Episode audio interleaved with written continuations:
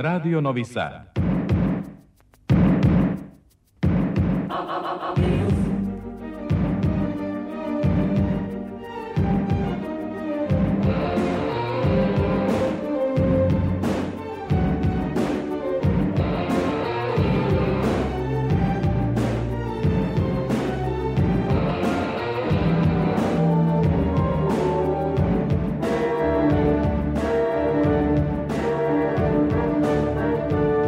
Spektar.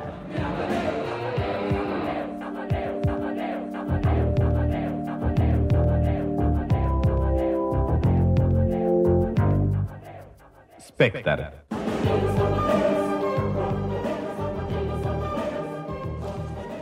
Dobro veče, ja sam Tatjana Novčić-Matijević, počinje Spektar, magazin za kulturu Radio Novog Sada. Malo toga se šta u kulturi dešavalo vredno ozbiljnije medijske pažnje. Kad nema događaja, tu su ljudi. Bar oni koji nisu ove gradske vreline zamenili ambijentima prihvatljivijim za opstanak ili bak odmor. Ovo je sedmica u kojoj se književna javnost opraštala od pisca Davida Albaharija. Beležimo poneku izložbu u novosadskim galerijskim prostorima. Vodimo vas u umetničku galeriju Akademija Carrara u Bergamu.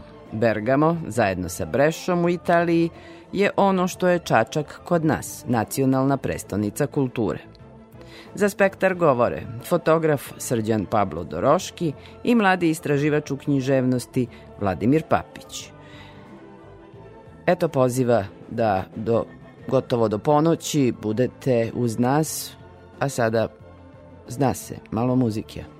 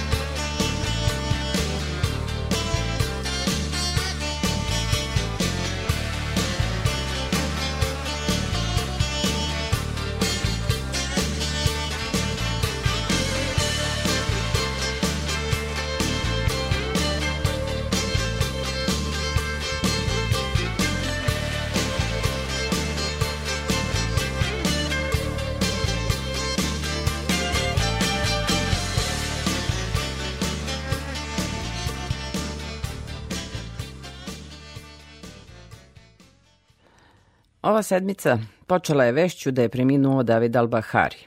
Ova radna sedmica okončana je vešću da je danas sahranjen.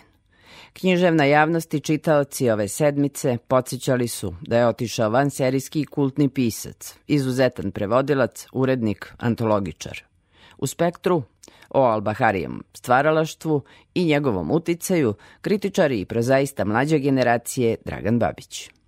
U književnom smislu sada je taj Albaharijevski svet zatvoren. On je intenzivno stvarao i sada je taj stvaralački proces i energija prekinuta. Ja moram da pitam za onaj prvi utisak i prvi komentar kad je stigla vest. Ja sam uzeo telefon i vidio sam poruke od dva moja bliska prijatelja, od Branislava Živanovića, od Alena Bešić. Prvo sam otvorio Banetovu poruku, on je meni napisao reč cink.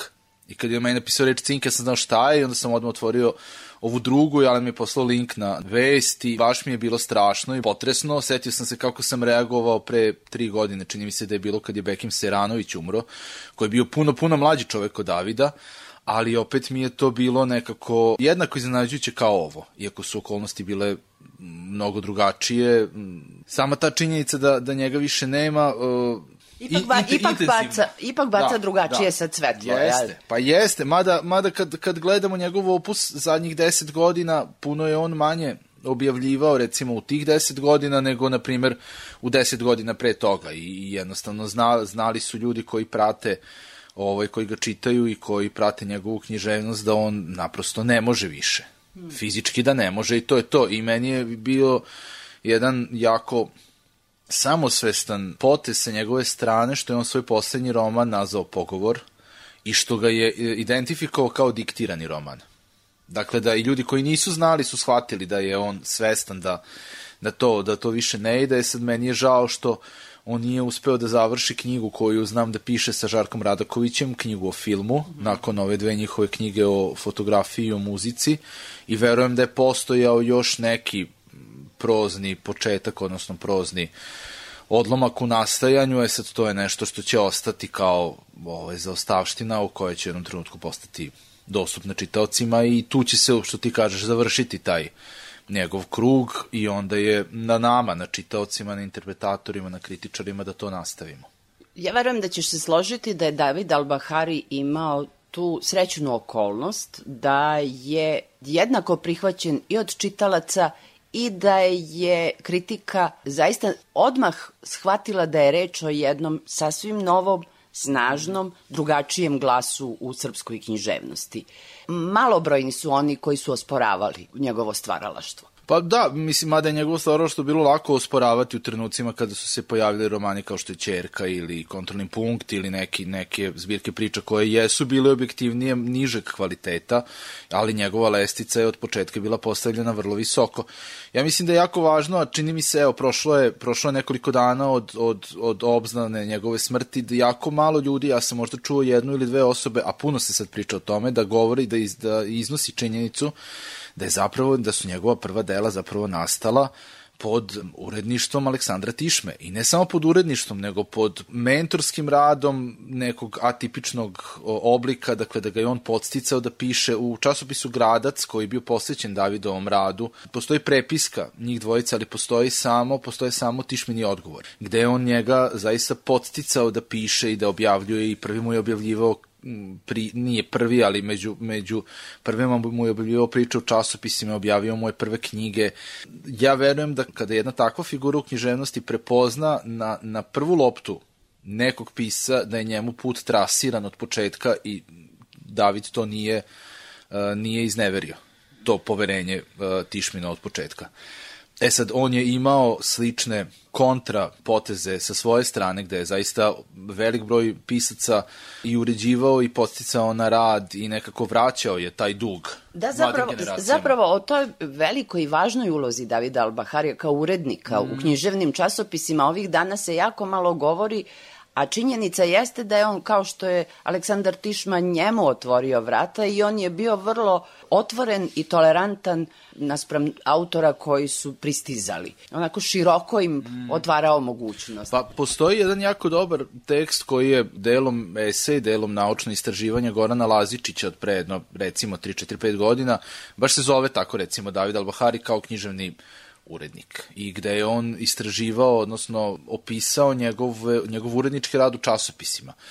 I velik broj pisaca njegove generacije ovih dana govori o tome, o toj čuvenoj redakciji književne reči, šta se tamo radilo, ko je dolazio, kako je David uzimao tekstove, čitao ih, vraćao, to je jedan, nažalost, književni život koji danas nije moguć iz više razloga. Jedna od, jedan od tih razloga jeste generalno kulturna i književna politika u kojoj živimo, stvarnosti, odnosno doba u kom živimo. Drugi je činjenica da se to više ne radi tako, da više nemate urednike u redakciji koji odlaze po priloge, nose ih, rade na njima fizički, dakle sve je to sad ubrzano, digitalizovano, što opet ima naravno svojih prednosti, ali nema tu uh, draž starih vremena. E sad, ja verujem da će kao što se sa Tišmom otvaralo god, u godinama nakon njegove smrti sva ta druga vrata koja nisu, dakle, stvaralačka i njegova ujurednička i prevodilačka i sva druga, da će to biti i situacija koju nas, koja nas čeka u narednim godinama.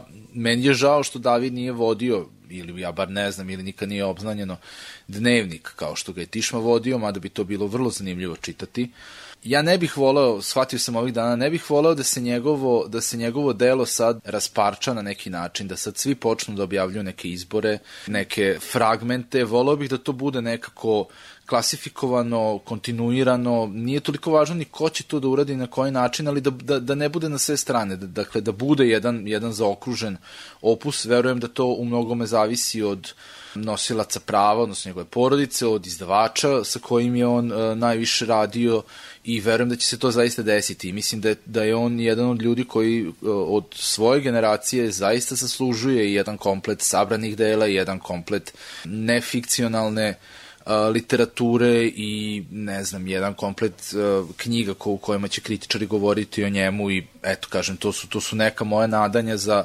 godine koje su pred nama.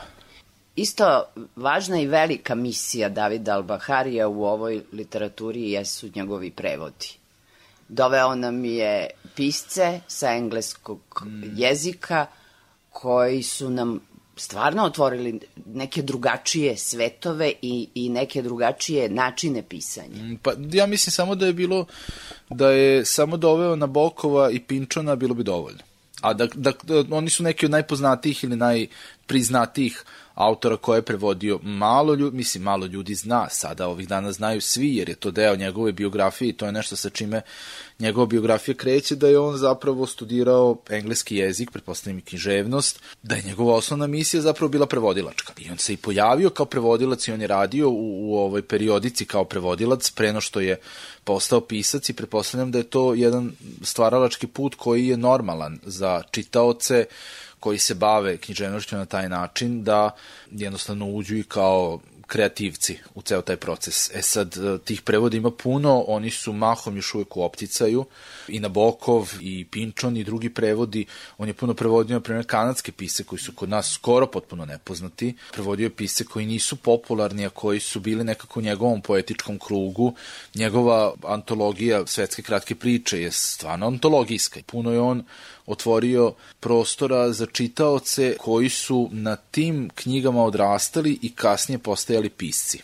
I kada govorimo o kratkim pričama, kratka priča jednako David Al-Bahari, jednako otvaranje te forme, ulazak te forme, rekla bih, na velika vrata u srpsku mm. literaturu. To je samo početak, onaj vrh ledenog brega koji se zove stvaralaštvo e, Davida Al-Baharija kada govorimo o prozi o pasusu, mm. o temama, o uglu posmatranja stvari. Pa da, kod njega ima jako puno tih autoreferencijalnih tekstova i citata u kojima on govori šta je za njega kratka priča, za mene, meni je nekako omiljeni citat, njegov kratka priča je sve.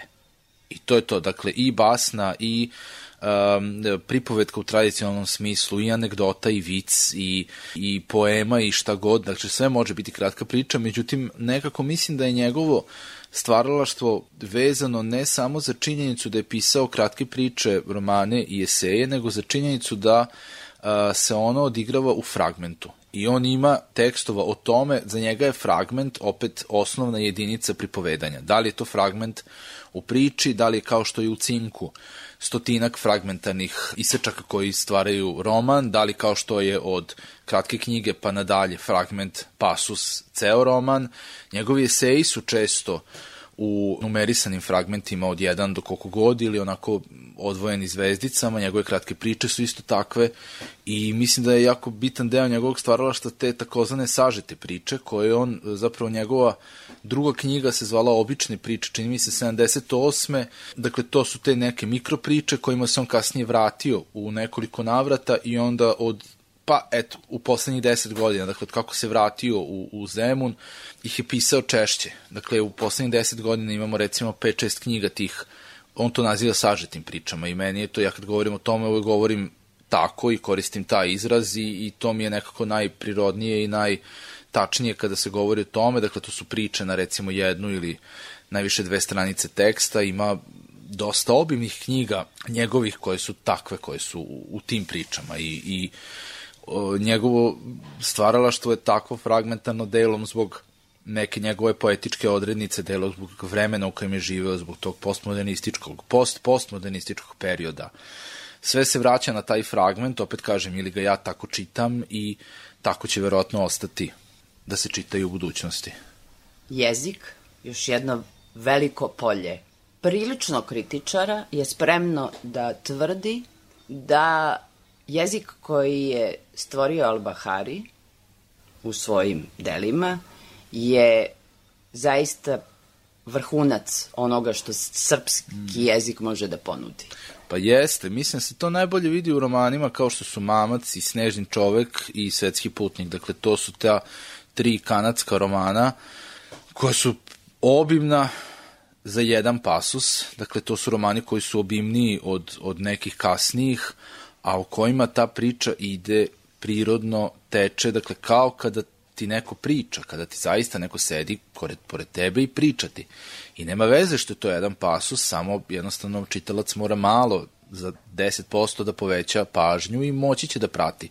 Taj jezik se vidi i u tim sažetim pričama gde ti u dva, tri pasusa moraš da kažeš sve i ima jedan, jedan od svojih intervjua on rekao nešto tipa ja sam najsrećniji kad uspem iz jedne priče da izbacim jednu rečenicu ili kad iz rečenice uspem da izbacim reč, jer kao to je to. To je naj, najviše što pisac može da uradi. Mislim da je taj jezik derivat s jedne strane njegovog obrazovanja, odnosno njegovog formalnog obrazovanja, koje, iako je vezano za, jed, za književnost jednog jezika, ipak ima neko svetsko gledanje, odnosno svetsku širinu gledanja, a sa druge strane činjenicom da je živeo toliko dugo uronjen u jezik koji nije njegov, iako je on u tom trenutku kada je otišao u Kanadu govorio engleski savršeno, dakle kao čovek koji dolazi iz te struke, jednostavno nije isto govoriti uh, strani jezik od kuće i tamo. I da je on morao da ponovo kreće sa pisanjem, zapravo stvoriše neka svoja dva identiteta vezana za svoja dva jezika. I da, da nije um, bilo tog iskustva odlaska o, i emigracije, mislim da ne bi napisao romane koje je napisao ne tematski, nego stilski gledano. Ili ti romani bar ne bi izgledali takvi kao što jesu danas. Iz pozicije stvaraoca koji pripada mlađoj generaciji, je li David Al-Bahari visoko pozicioniran u toj uh, nužnoj biblioteci svakog uh, stvaraoca koji je naravno prvo čitalac. Pa jeste, mislim za, za mene lično i za ljude koji su meni bliski čitalački, on je kum. Nema dalje. Kao što je Hemingway bio za jednu generaciju, tako je on za, za ovu i za, čak i za generaciju pre mene e, može se, mogu se naći vrlo uspešni pisci mojih godina i recimo u 40. godinama koji stvarno puno duguju njemu. Da ne nabrajam sad imena kod nas, ima ih recimo desetak koji su sa njim bili bliski i privatno i poslovno i svakako i čiji se uticaj oseti u njihovom radu. To govorim prozaisti u širem smislu. Kada govorimo o užem smislu pisaca koji se bave kratkom pričom ili, ili pričama koje podsjećaju na te njegove sažete priče, taj utisak je još snažniji. Dakle, ne postoji autor kod nas koji je više uticao na pisce kratke priče i teorijski i praktično od njega. I za pisce tu negde generacije 70-ih ili ranih 70-ih, mislim da je, da je David bio definitivno taj čovek koji je nosio vatru za sve njih. Čini mi se, i to je još jedan utisak ovih dana, da svi imaju stvarno svi imaju vrlo pozitivno mišljenje i svi imaju mišljenje koje je da u njegovom odnosu prema književnosti, prema ljudima zaista nema ništa da se zameri. Ja lično imam takav utisak o njemu. Ja sam imao tu sreću da uređujem dve njegove knjige i stvarno je sve, nemam ništa da kažem povodom njegove profesionalnosti i rada, to je, to je bilo perfektno. Mislim da su te teme koje je on obrađivao u drugoj polovini 80-ih do recimo Mamca, kada se potpuno etablirao i kod kritike i kod čitalaca i kod žirija, da su zapravo to bile neke teme i pristupi koji su mogli da odgovore najširem mogućem dijapazonu. I ono ne manje važno, zapravo ne nikak malo važno, jeste njegov uticaj u regionu. Da. Iako se država raspadala, jer je on pre svega prvo bio jugoslovenski jel, pisac, pa onda i srpski, kako je koja e, država pokušavala da zatvori svoj kulturni prostor, on je bez problema nalazio prostor gde će njegova literatura da... da... Pa opet mislim da to nije slučajno. Recimo, njegova prva knjiga je izašla u Novom Sadu, mislim na porečno vreme. Druga knjiga je izašla, čini mi se u Beogradu, ima e, jedna od tih, ili u Zagrebu, sad sad već ne znam, dakle jedna od tih ranih knjiga je izašla u Zagrebu i on je tamo od početka imao, imao dobru uh, kritičku recepciju. To se vidi u intervjuima koje je on davao zagrebačkim časopisima i novinama do recimo 90-ih. Čini mi se sam video ovih dana informaciju da je neki njegov roman bio prvi ili jedan od prvih srpskih romana ili srpskih naslova koji su publikovani u Hrvatskoj posle rata. Recimo, sad parafraziram. Pre nekoliko godina je Sandorf objavio Geca i Majera u Zagrebu bez u jednoj biblioteci u kojoj su objavljivali i, i Roberta Grejsa i Marka Pogačara u jednoj neobičnoj biblioteci izašao je, izašao je Geci Majer. Uh, on je dosta sarađivao sa Buksom, sa kolektivom Buksa i, koji stoji iza knjižare zapravo Buksa i izdavačkog pokreta i pre neki dan je objavljen tekst sa naslovom Naš David. I ja mislim da svi mi možemo na taj način da se, da se ophodimo prema njemu, jer on je bio svačiji i svako ima neku svoju priču. Međutim, sad je opet to jako nezgodno, to svojatanje posle nečije smrti je jako ozbiljna stvar kod nas i to se jako ode u pogrešnom pravcu i sad je on ovih dana je on svačiji.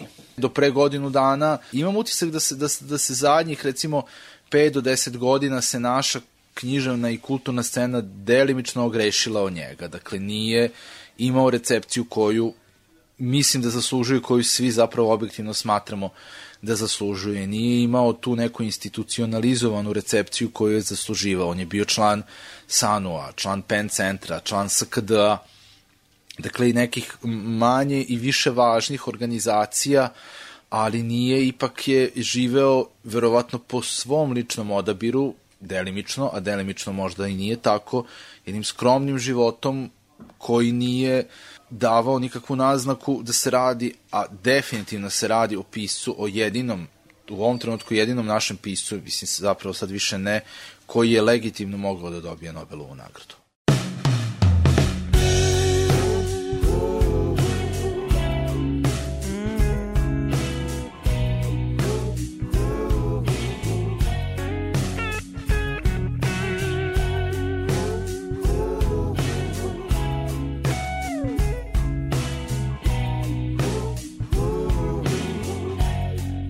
It's time we recognized it. It's time we tried to see it for what it is. There's nothing underlying it, baby. There ain't another picture as clear as this. Well, well, what you get's what you see. There ain't no mystery to me.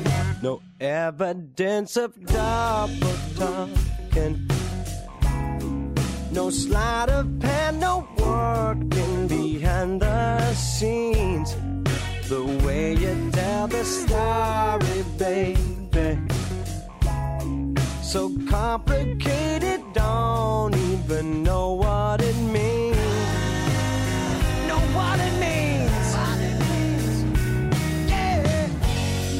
you gets what you see.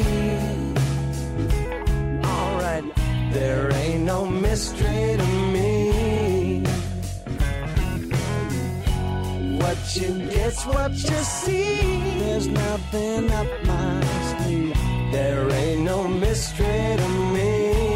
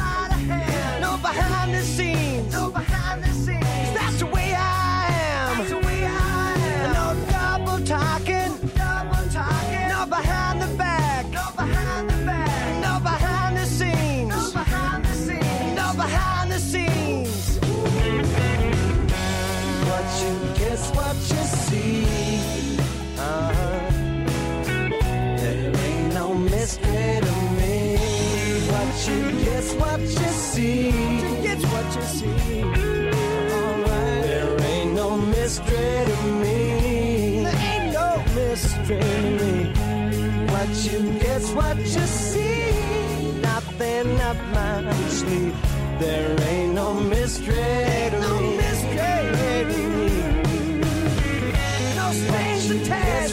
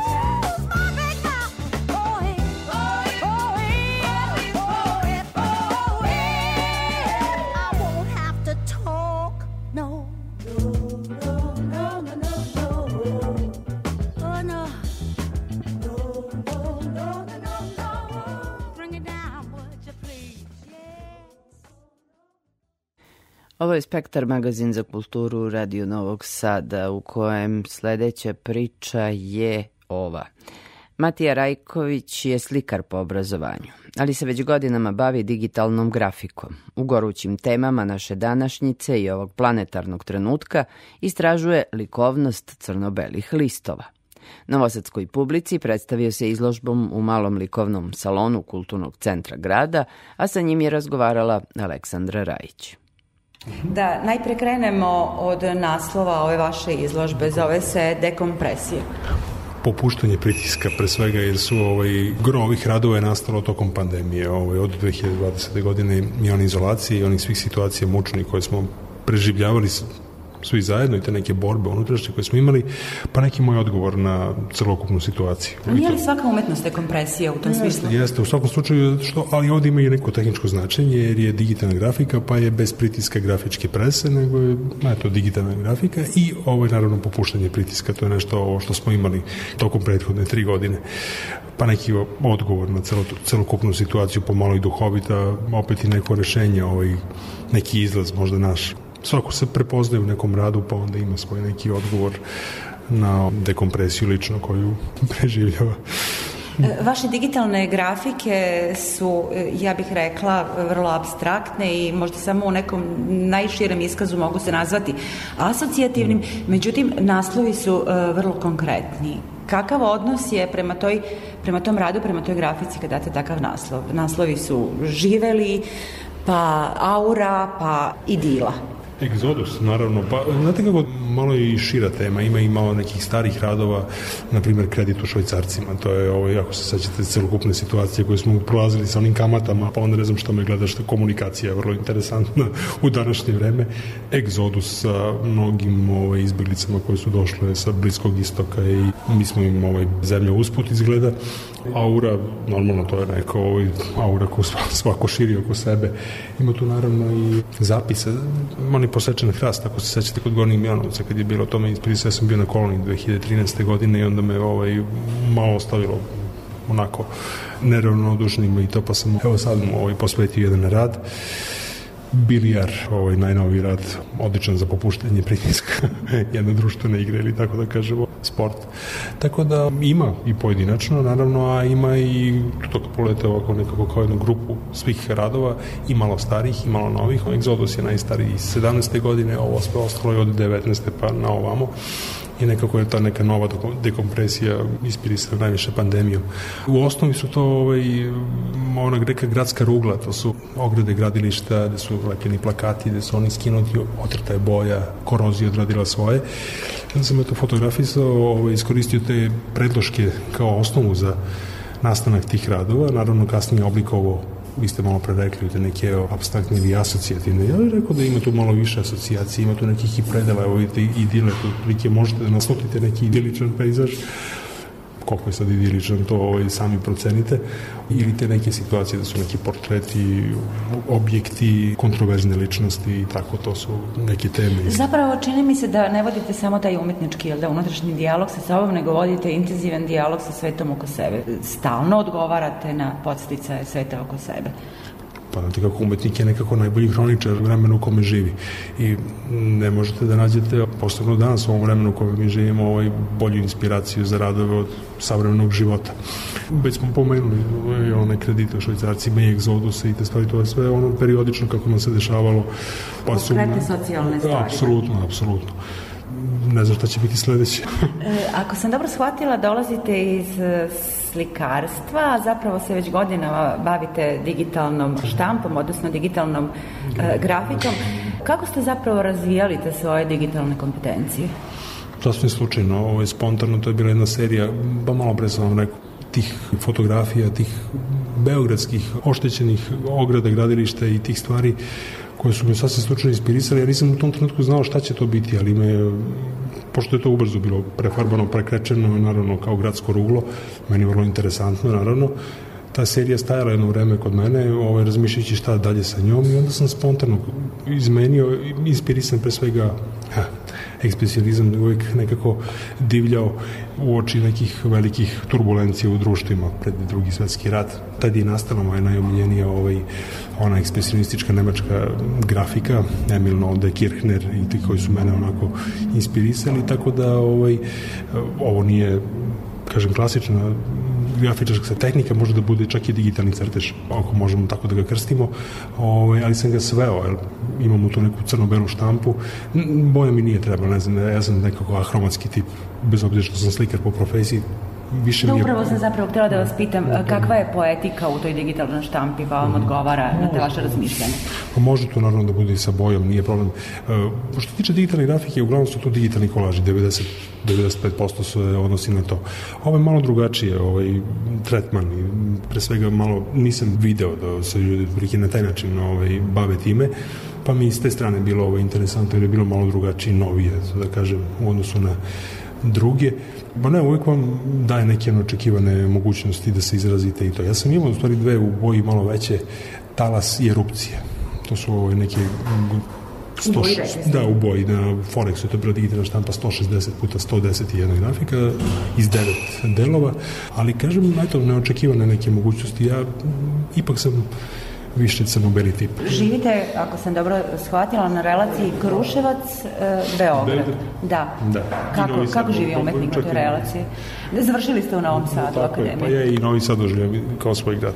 I Beograd, i Novi Sad, i Kruševac. Ja volim da kažem u šali ovaj nesvrstan tip svuda pomalo. Najviše u Beogradu definitivno, ali kad god mogu u Novom Sadu naravno i izlagački i ovako naravno i puno imam prijatelja i poznanika ovde. A Kruševac naravno kao radno mesto, to je ovaj, akademija za vaspitače. To me isto inspiriše, taj naj... rad sa decom, metodike neke i to Evo imam tri paralelne neke karijere i svoju privatnu umetničku udruženje koje vodim umetnika Kruševca i naravno sa studentima posao, tako da nikad nije dosadno zaista. Hvala. Hvala i vama.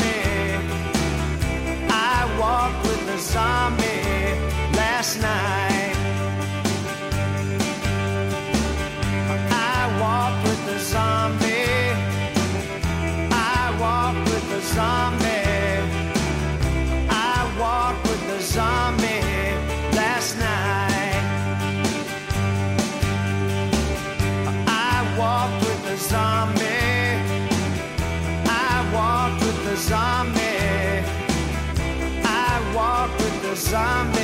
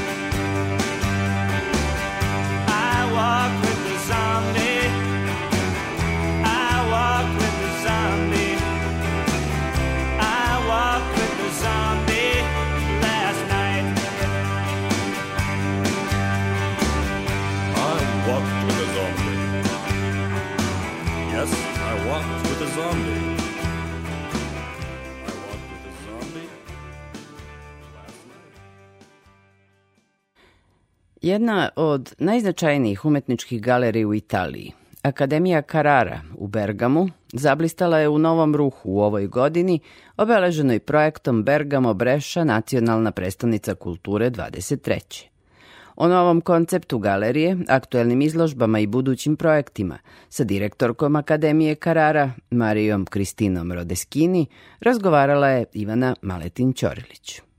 Posle godinu dana renoviranja, Akademija Karara je u godini titule Nacionalne predstavnice kulture ponovo otvorena za javnost. Koje novine ste uneli? È una mm, nuova disposizione Završili smo novi projekat muzeja sa drugačijim rasporedom dela iz stalne kolekcije i redizajniranim prostorom. Naša stalna kolekcija sadrži 1800 slika, 250 skulptura, 3000 crteža, 9000 gravura kao i bogatu kolekciju novčića i medalja.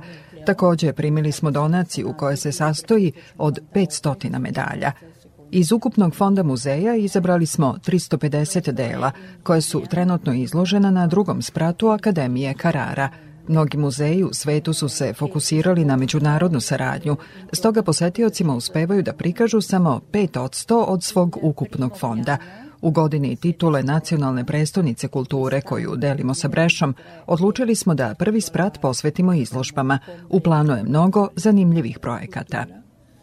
e quindi abbiamo una serie di esposizioni per tutto l'anno.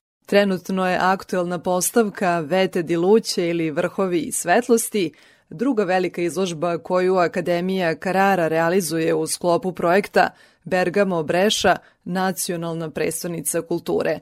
Kakav je njen koncept? E, il concetto di questa esposizione è mh, attraverso diversi medium espressivi Koncept izložbe je takav da smo kroz različite vidove umetnosti, slikarstvo, fotografiju i video umetnost, pokušali da skrenemo pažnju na značajan deo teritorije Bergama, Bergamske Alpe. Oni se prostiru do Breše i preko nje spajaju sa Švajcarskom i susednim oblastima. Na teritoriji Bergama živi daleko veći broj ljudi, čak milion, nego u gradu koji broji oko 120.000 stanovnika. Veliki deo te teritorije čine planine. Na izložbi su zastupljene slike Bergamskih Alpa iz 19. i 20. veka. Kako bismo dobili svežiju percepciju planinskog pejzaža, u projekat smo uključili japanskog fotografa i alpinistu Naokija Ishikavu, koji je radi te izložbe u tri navrata boravio na Alpima. Takvim pristupom želeli smo da obnovimo sliku planinskog pejzaža, koji je često prikazivan na vrlo tradicionalan način. di paesaggio delle montagne che di solito è eh, molto oleografico. Godinu titule nacionalne predstavnice kulture otvorili ste izložbom Čeko del Caravaggio.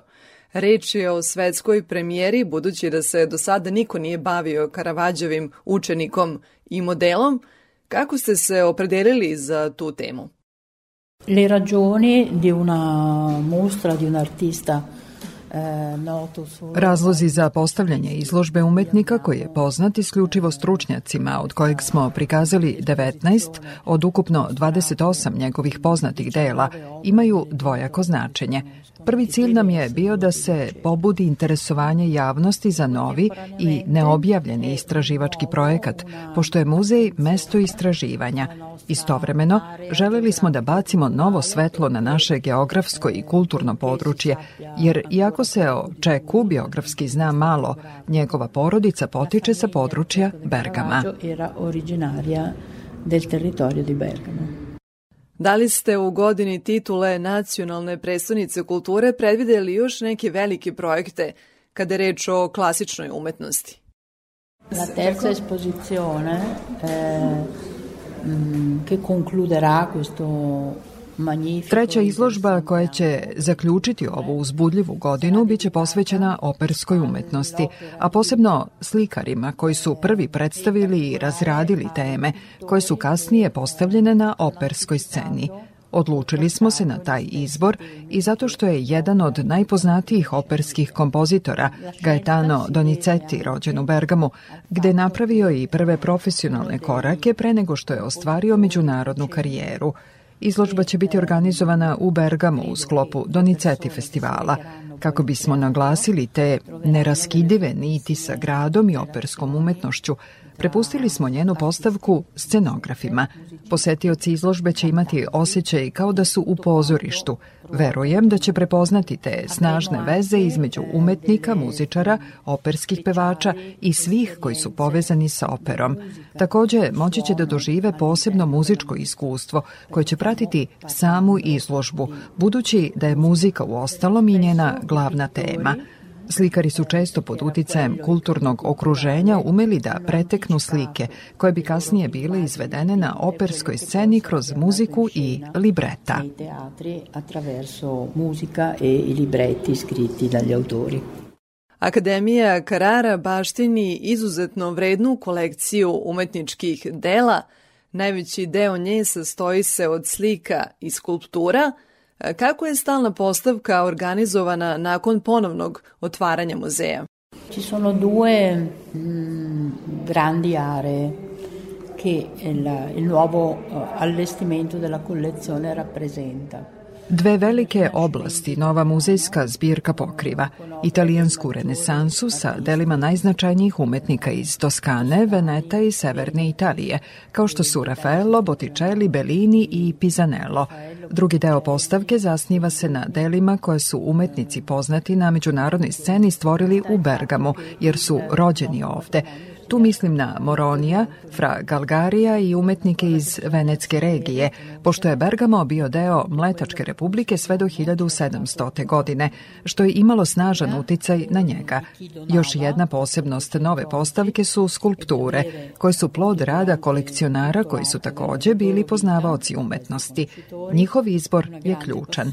Naša umetnička baština je na visokom nivou i sa razlogom je izložena ovde. Sve što čuvamo je poklonjeno. Ideja onih koji su donirali od 18. veka do danas je da kao poznavaoci umetnosti doniranjem svojih kolekcija gradu podele tu strast sa zajednicom koji ih je zdušno prihvatila. Taj koncept je sjajan. Počinje donacijom Giacomo Carrare krajem 18. veka – Danas imamo više od 260 donatora, a poslednji značajni donatori datiraju iz 2022. godine. Poslednja novina u 2023. godini biće otvaranje bašte na 3000 kvadratnih metara s prijemnim mestom i bistrom, To mesto je otvoreno prema prirodi.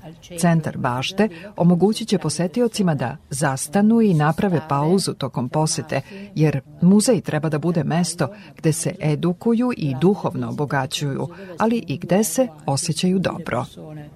Si educano, si acculturano, ma le persone devono anche stare bene. Koliko mogu da primetim, pripremate posebne kulturne programe tokom leta u Bašti, Koja vrsta događaja će biti zastupljena u tom novom prostoru? Innanzitutto credo una, mm, una pausa, una sosta tranquilla per il visitatore. Verujem da će bašta prevashodno biti mesto za predah. Međutim, naše obrazovno odeljenje će takođe organizovati raznovrsne projekte koji će edukovati decu da cene umetnost, kulturu i urbanu dimenziju našeg grada – Naš muzej se nalazi ispod gradskih zidina i iz bašte će posetioci moći da ih vide, što će im pomoći da shvate gde se nalazi Akademija Karara. Planiramo da organizujemo koncerte, Razmišljamo i o malim izložbama koje bi bile kompatibilne sa spoljašnjim prostorom, budući da je naš muzej povezan sa školom slikarstva koja nosi naziv Akademija lepih umetnosti – Rado sarađujemo sa njenim studentima i često umemo da ugostimo njihove projekte. Verujem da će bašta biti mesto gde ćemo moći da nastavimo tu saradnju.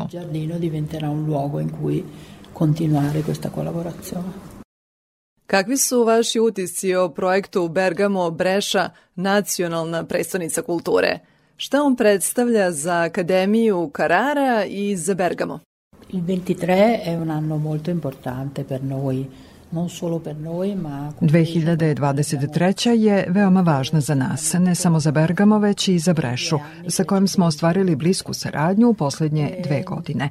Najpre to je prilika da budemo prepoznati, jer obično kada turisti dolaze u Italiju, posete gradove poput Venecije, Milana, Firence i Rima, dok manje poznati gradovi, koji su jednako važni po umetničkom značaju, ostaju u senci. Ipak moram priznati da je Bergamo, zahvaljujući prisustvu aerodroma, već ostvario međunarodne veze. Druga bitna stvar je da smo ucrtali put koji ćemo nastaviti da sledimo u narednim godinama – Ako iza godine titule ostane samo velika proslava, onda smo promašili suštinu. Naučili smo da radimo zajedno. To je ljudski i kulturni kapital za budućnost. È un capitale umano e culturale che possiamo proiettare sugli anni a venire. Kako ste se nosili sa pandemijom? Bergamo je bio jedno od glavnih žarišta virusa korona. Kako se to reflektovalo na rad Akademije Carrara i da li je to promenilo vaš način razmišljanja? Sì, e anche questo nuovo allestimento è il risultato di, delle Da, riflessioni. nova muzejska postavka je rezultat našeg promišljanja u tom periodu. Nekoliko meseci nakon najjače krize, kada muzej nije bio otvoren za javnost i kada je sve bilo zatvoreno, formirali smo međunarodnu komisiju sa kustosima iz američkih i evropskih muzeja, sa kojima smo počeli da diskutujemo o tome kako će muzeji izgledati nakon pandemije. Nismo gubili vreme. Čim smo shvatili da se situacija promenila, preispitali smo sebe, shodno konceptu da muzej mora da održava veze sa gradom i svojim korisnicima. Nastojali smo da tragediju, izazvanu covidom, preokrenemo u nešto pozitivno. Moram da priznam da je transformacija koju smo napravili, iako smo otvorili muzej 2015. godine, što nije bilo tako davno, bila hrabra odluka za preispitivanje nove stvarnosti, To što danas vidite je rezultat toga. Naravno, treba videti koliko će to trajati, jer ništa nije nepromenljivo.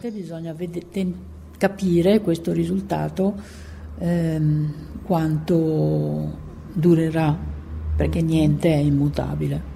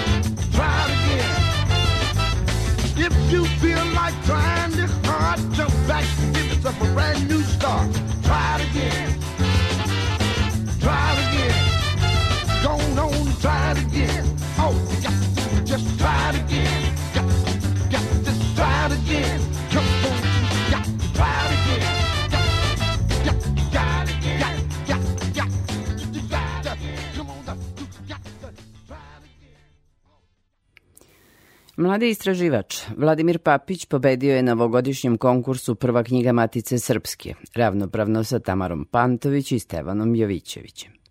U toj čuvenoj ediciji biće mu objavljena monografija naslovljena Praskozorje žanra, u kojoj je proučavao život i literaturu rane srpske i evropske modernosti.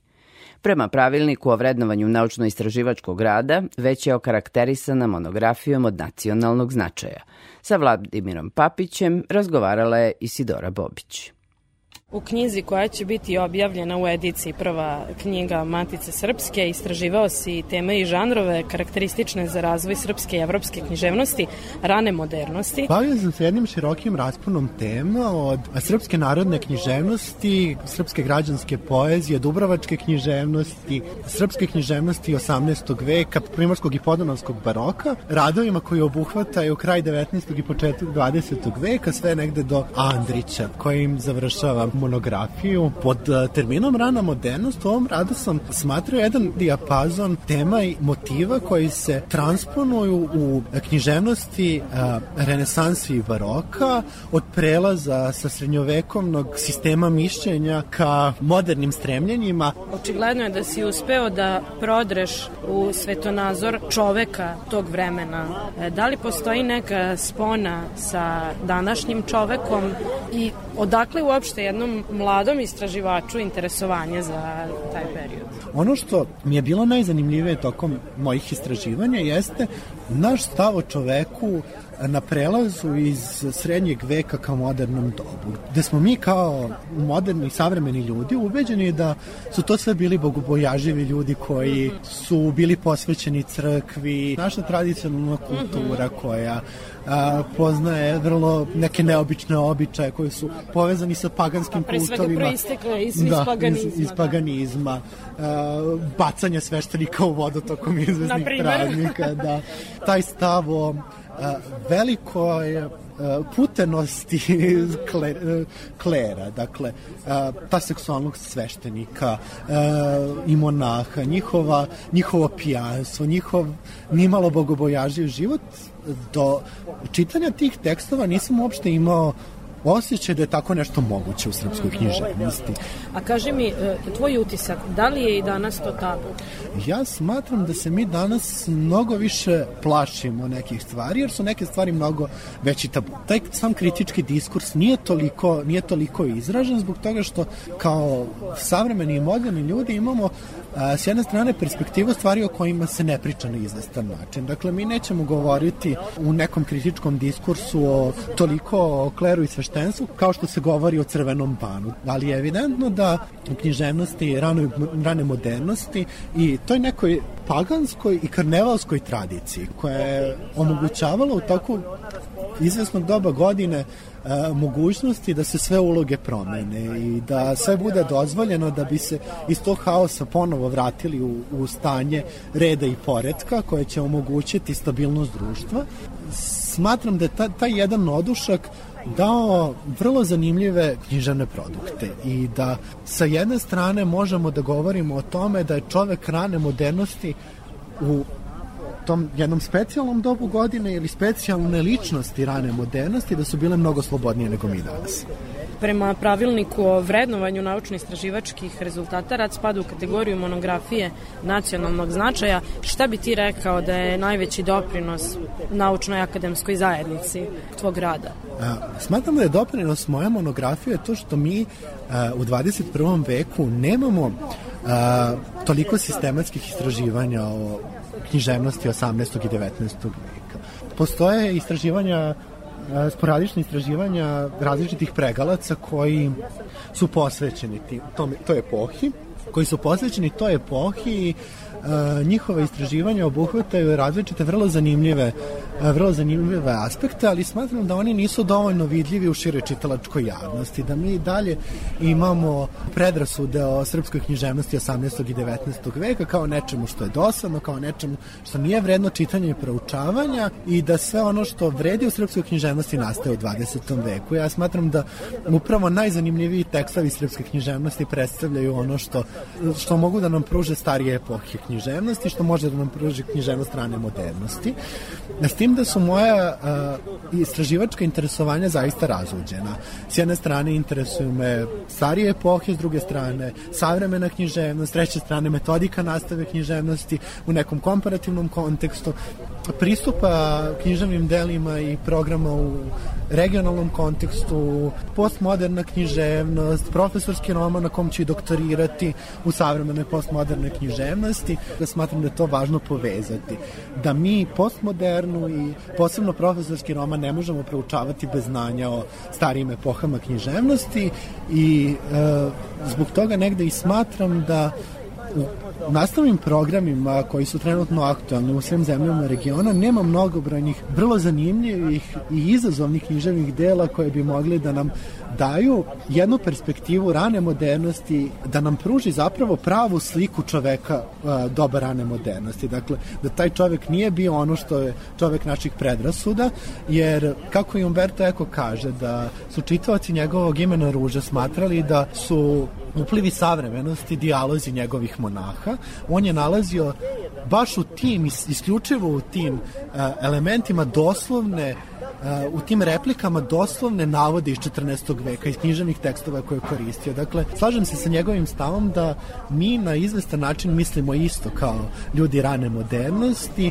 i da čak i srednjeg veka i da ono što srednji vek i rana modernost jesu je, uh, jeste poreklo svega onoga svih naših modernih problema i svih naših modernih interesovanja i uspeha. The sky is crying Look at the tears rolling down the streets It's alright The sky is crying Look at the tears rolling down the street. Yeah.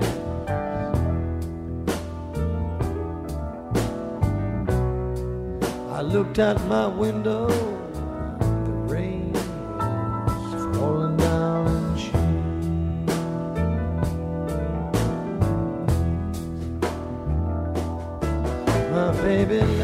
show.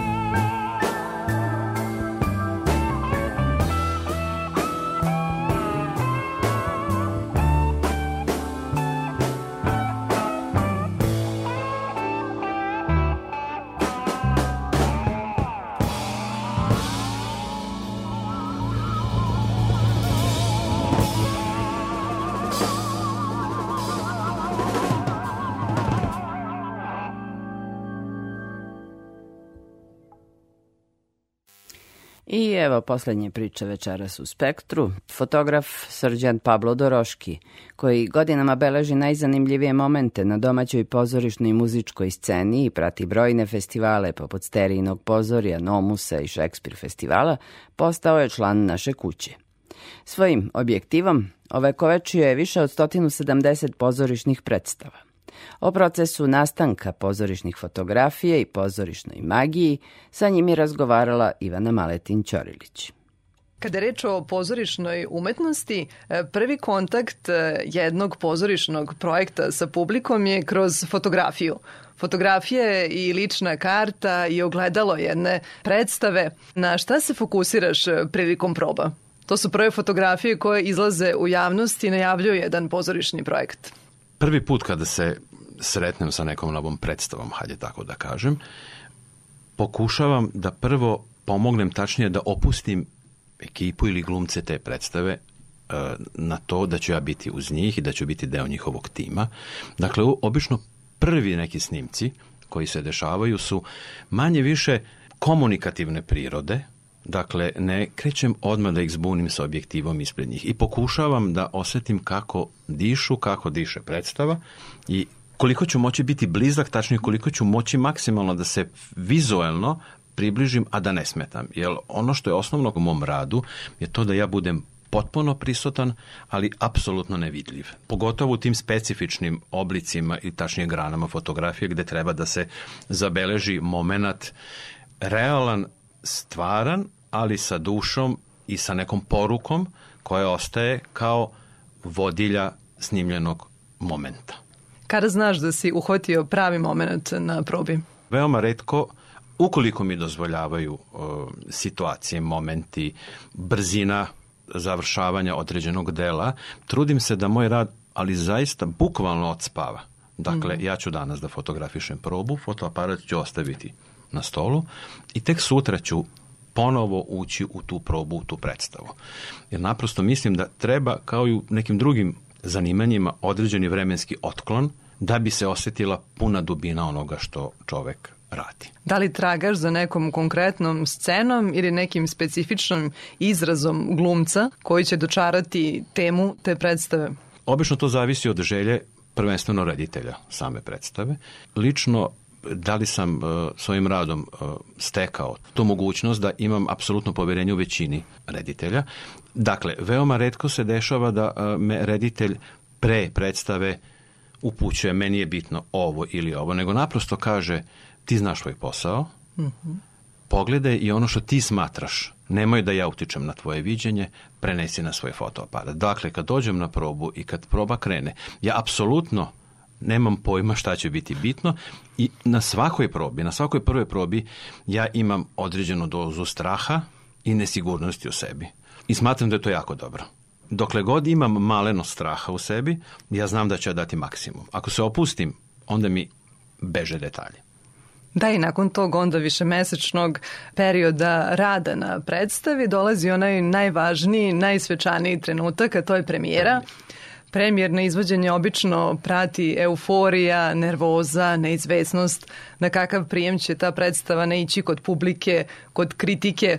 Šta je tu uloga fotografa? To je dupa nervoza kod fotografa. Zašto? Zato što obično tehnički pre same premijere predstava biva od strane fotografa zabeležena za potrebe arhiviranja, reklame, marketinga. Dakle, bez publike u nekoj relativno opuštenoj atmosferi. Premijera je kao što si i ti sama rekla, opšti energetski haos, jer su tu praktično spregnute sve energije, uzbuđenja glumaca, e, iščekivanja publike, nervoza tehnike, reditelja, pa i mene kao fotografa, ili je to onaj deo kada zaista trebam biti apsolutno nevidljiv, a opet moram biti dovoljno drzak da mogu da uhvatim i emociju tebe kao publike, a i nekog glumca u nekom momentu gde sad već malo znam šta me čeka. Dakle, ono što je za mene najveći izazov, to je upravo to. Festivali, premijere.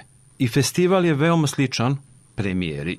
Obično na festivalima predstavi glumci nešto po prvi put u nekom gradu ili na nekom festivalu prikazuju. I to je ta energija potpuno haotična. Koliko te fotografije sa premijere utiču na dalji život predstave, na njenu promociju? Veoma pomažu ili odmažu ako fotograf nije prenao dobro poruku. Nadam se da je u mom poslu lično bilo više pozitivnog nego negativnog. Ukoliko je marketing e, ima sluha za narednu promociju. E, na festivalima je jako dobro to što ja hvatam stvarnu emociju ljudi koji to posmatraju. Dakle, u tom momentu ja mislim da više nije bitna sama predstava. Jer ti u očima publike i u, u pokretu možeš shvatiti kolika je veličina gledanog momenta određene predstave. Dakle, ne sme se zanemariti i ta druga strana. Oni su ogledalo Oni faktički. su direktno ogledalo. Isto kao što fotografija može biti jako ultimativna, nemali broj puta mi se dešavalo da mi glumci ili reditelji kažu nakon pregledanog mog materijala, kaže ti si sada nama dao užasan domaći i veliki problem. Ja kažem zašto? Kaže, to kako izgleda ova predstava na fotografiji, pa ili mi to možemo uopšte da iznesemo na sceni? E sad, to je to iskustvo, verovatno, i to moje da ja se trudim da I to je nisam, trenutak to je koji je trenutak. zamrznut u vremenu, U i koji vremenu. ne može da se ponovi. Ne, ne, i ja nisam tu, e, kako da kažem, oni nisu tu zbog mene. Ja sam tu zbog njih. Ja mislim da je to osnova mog posla i da bi tako, da tako većina kolega verovatno i razmišlja, ali ja sigurno. Znači, ja imam- fotograf mora biti oslobođen ega i kao jedno belo platno koje Tako je, upija tako je, sve boje oko njega, sve zvukove. Apsolutno. Ja čak ću biti još rigorozniji. Ja treba da sam ravan nuli. Da ne postojim. Toliko mora biti providni beli papir. To je jedini način da ti preneseš emociju, uzdah i što je najbitnije, ti ne ideš planski ka tome. Da, to je stvar inspiracije. A koji projekti su ti ostali onako urezani u sećanju? Ne- Koje premijere? Neverovatno mi je bilo kad sam e, bio zvan na jedan internacionalni festival, tačnije u Rumuniju, gde sam doživao nešto što je sasvim drugačije, na primjer, nego kod nas. Malte ne, potpuno suprotno ovoj priči što sam sada iznao. Dakle, da budem maksimalno kratak. Ja kada sam došao, e, dočekali su me upravnik i sama glumačka ekipa i rekli su mi sledeću stvar. Vi ste došli kod nas na festival. Mi smo tu zbog vas, a ne vi zbog nas. Ja se sad zbunim pa ne razumem. Kaže, šta god vam treba, imate na raspolaganju.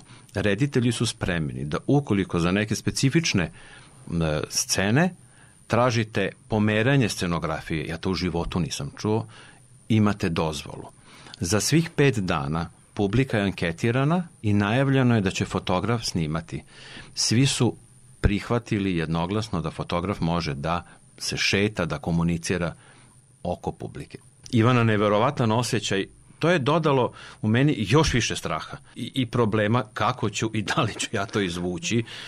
Da, od uspeha predstave zavisi i njen dalji festivalski život. Apsolutno, apsolutno. Da li će nastaviti da gostuje na festivalima i širom zemlje i regiona gde si ti često bio Tako je, prisutan? tako je, Evo, ove godine si prvi put radio i u Somboru I so- na pozorišnom tako, maratonu. na Kako maratonu, je to da. bilo iskustvo? U, Je to je- to bio drugačiji pristup? Jeste, to je bio energijski drugačiji pristup, to se trebalo raditi bukvalno svih više ne znam nikoliko dana, Pravi pet dana, maraton. bio možeš zamisliti kad imaš dve do tri predstave jednu za drugom, plus neka među dešavanja, promocija knjige ili otvaranje izložbe i gde si zaista kao u košnici i ono što je najinteresantnije, ti tu ne samo da fotografišeš, ti paralelno i fotografišeš, i slušaš, i obrađuješ, pripremaš i šalješ u etar te fotografije.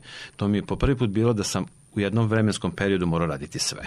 Uspeo sam i kada se završio čitav festival, oni su samo rekli, pa kako si ti uspeo biti na svim tim mestima? Moj odgovor je samo zato što ja to volim.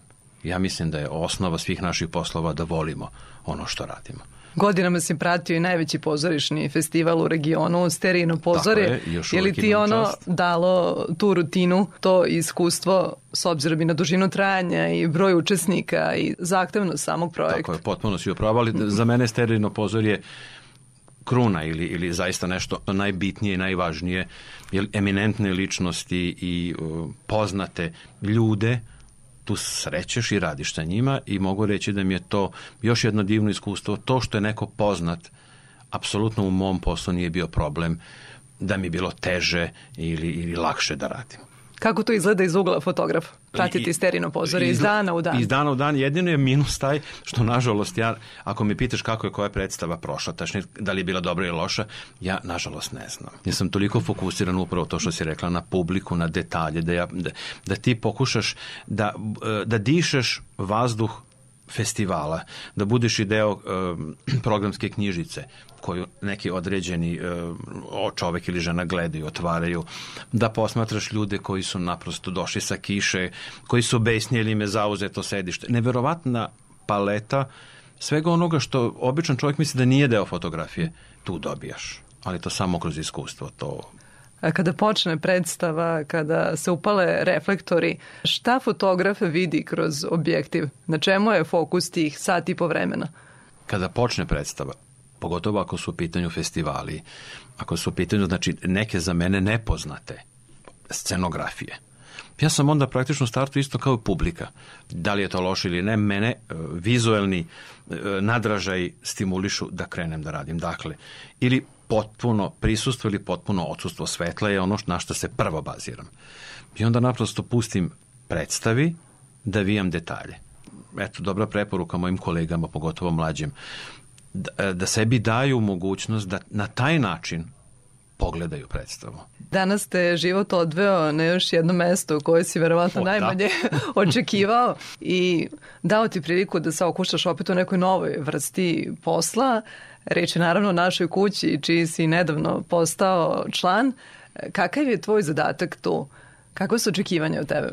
Prvo, ja sam izuzetno uzbuđen i, i užasno mi je drago da sam došao kod vas, da smo sada zajedno, pogotovo što u medijskoj kući kakva je ova naša, e, uloga fotografa mislim da je veoma bitna i visoko odgovorna. Ja ću se truditi da kroz svakodnevni rad zabeležim što više upravo tih detalja najobičnijih života, ali na neki pomalo neobičan način. Dakle, i naše kolege i naši građani da se ne čude ako me budu viđali na najneobičnijim mestima, u, neobičnim pozama, ja ću se truditi da sve to što mi radimo i gde mi idemo prikažem i da ostane zabeleženo.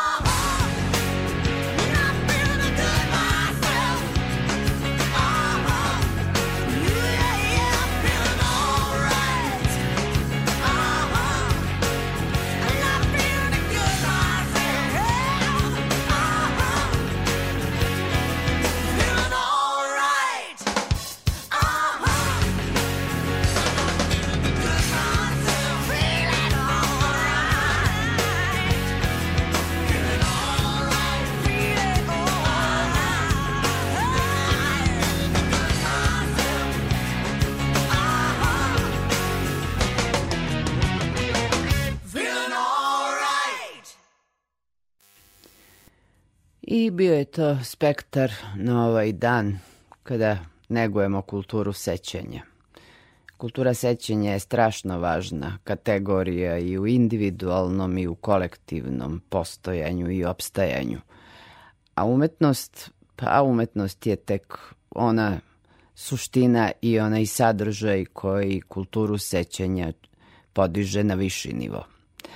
Narednog petka neke nove priče o kulturi i umetnosti na ovim prostorima. Laku noć i dobre snove želim vam Tatjana Novčić-Matijević.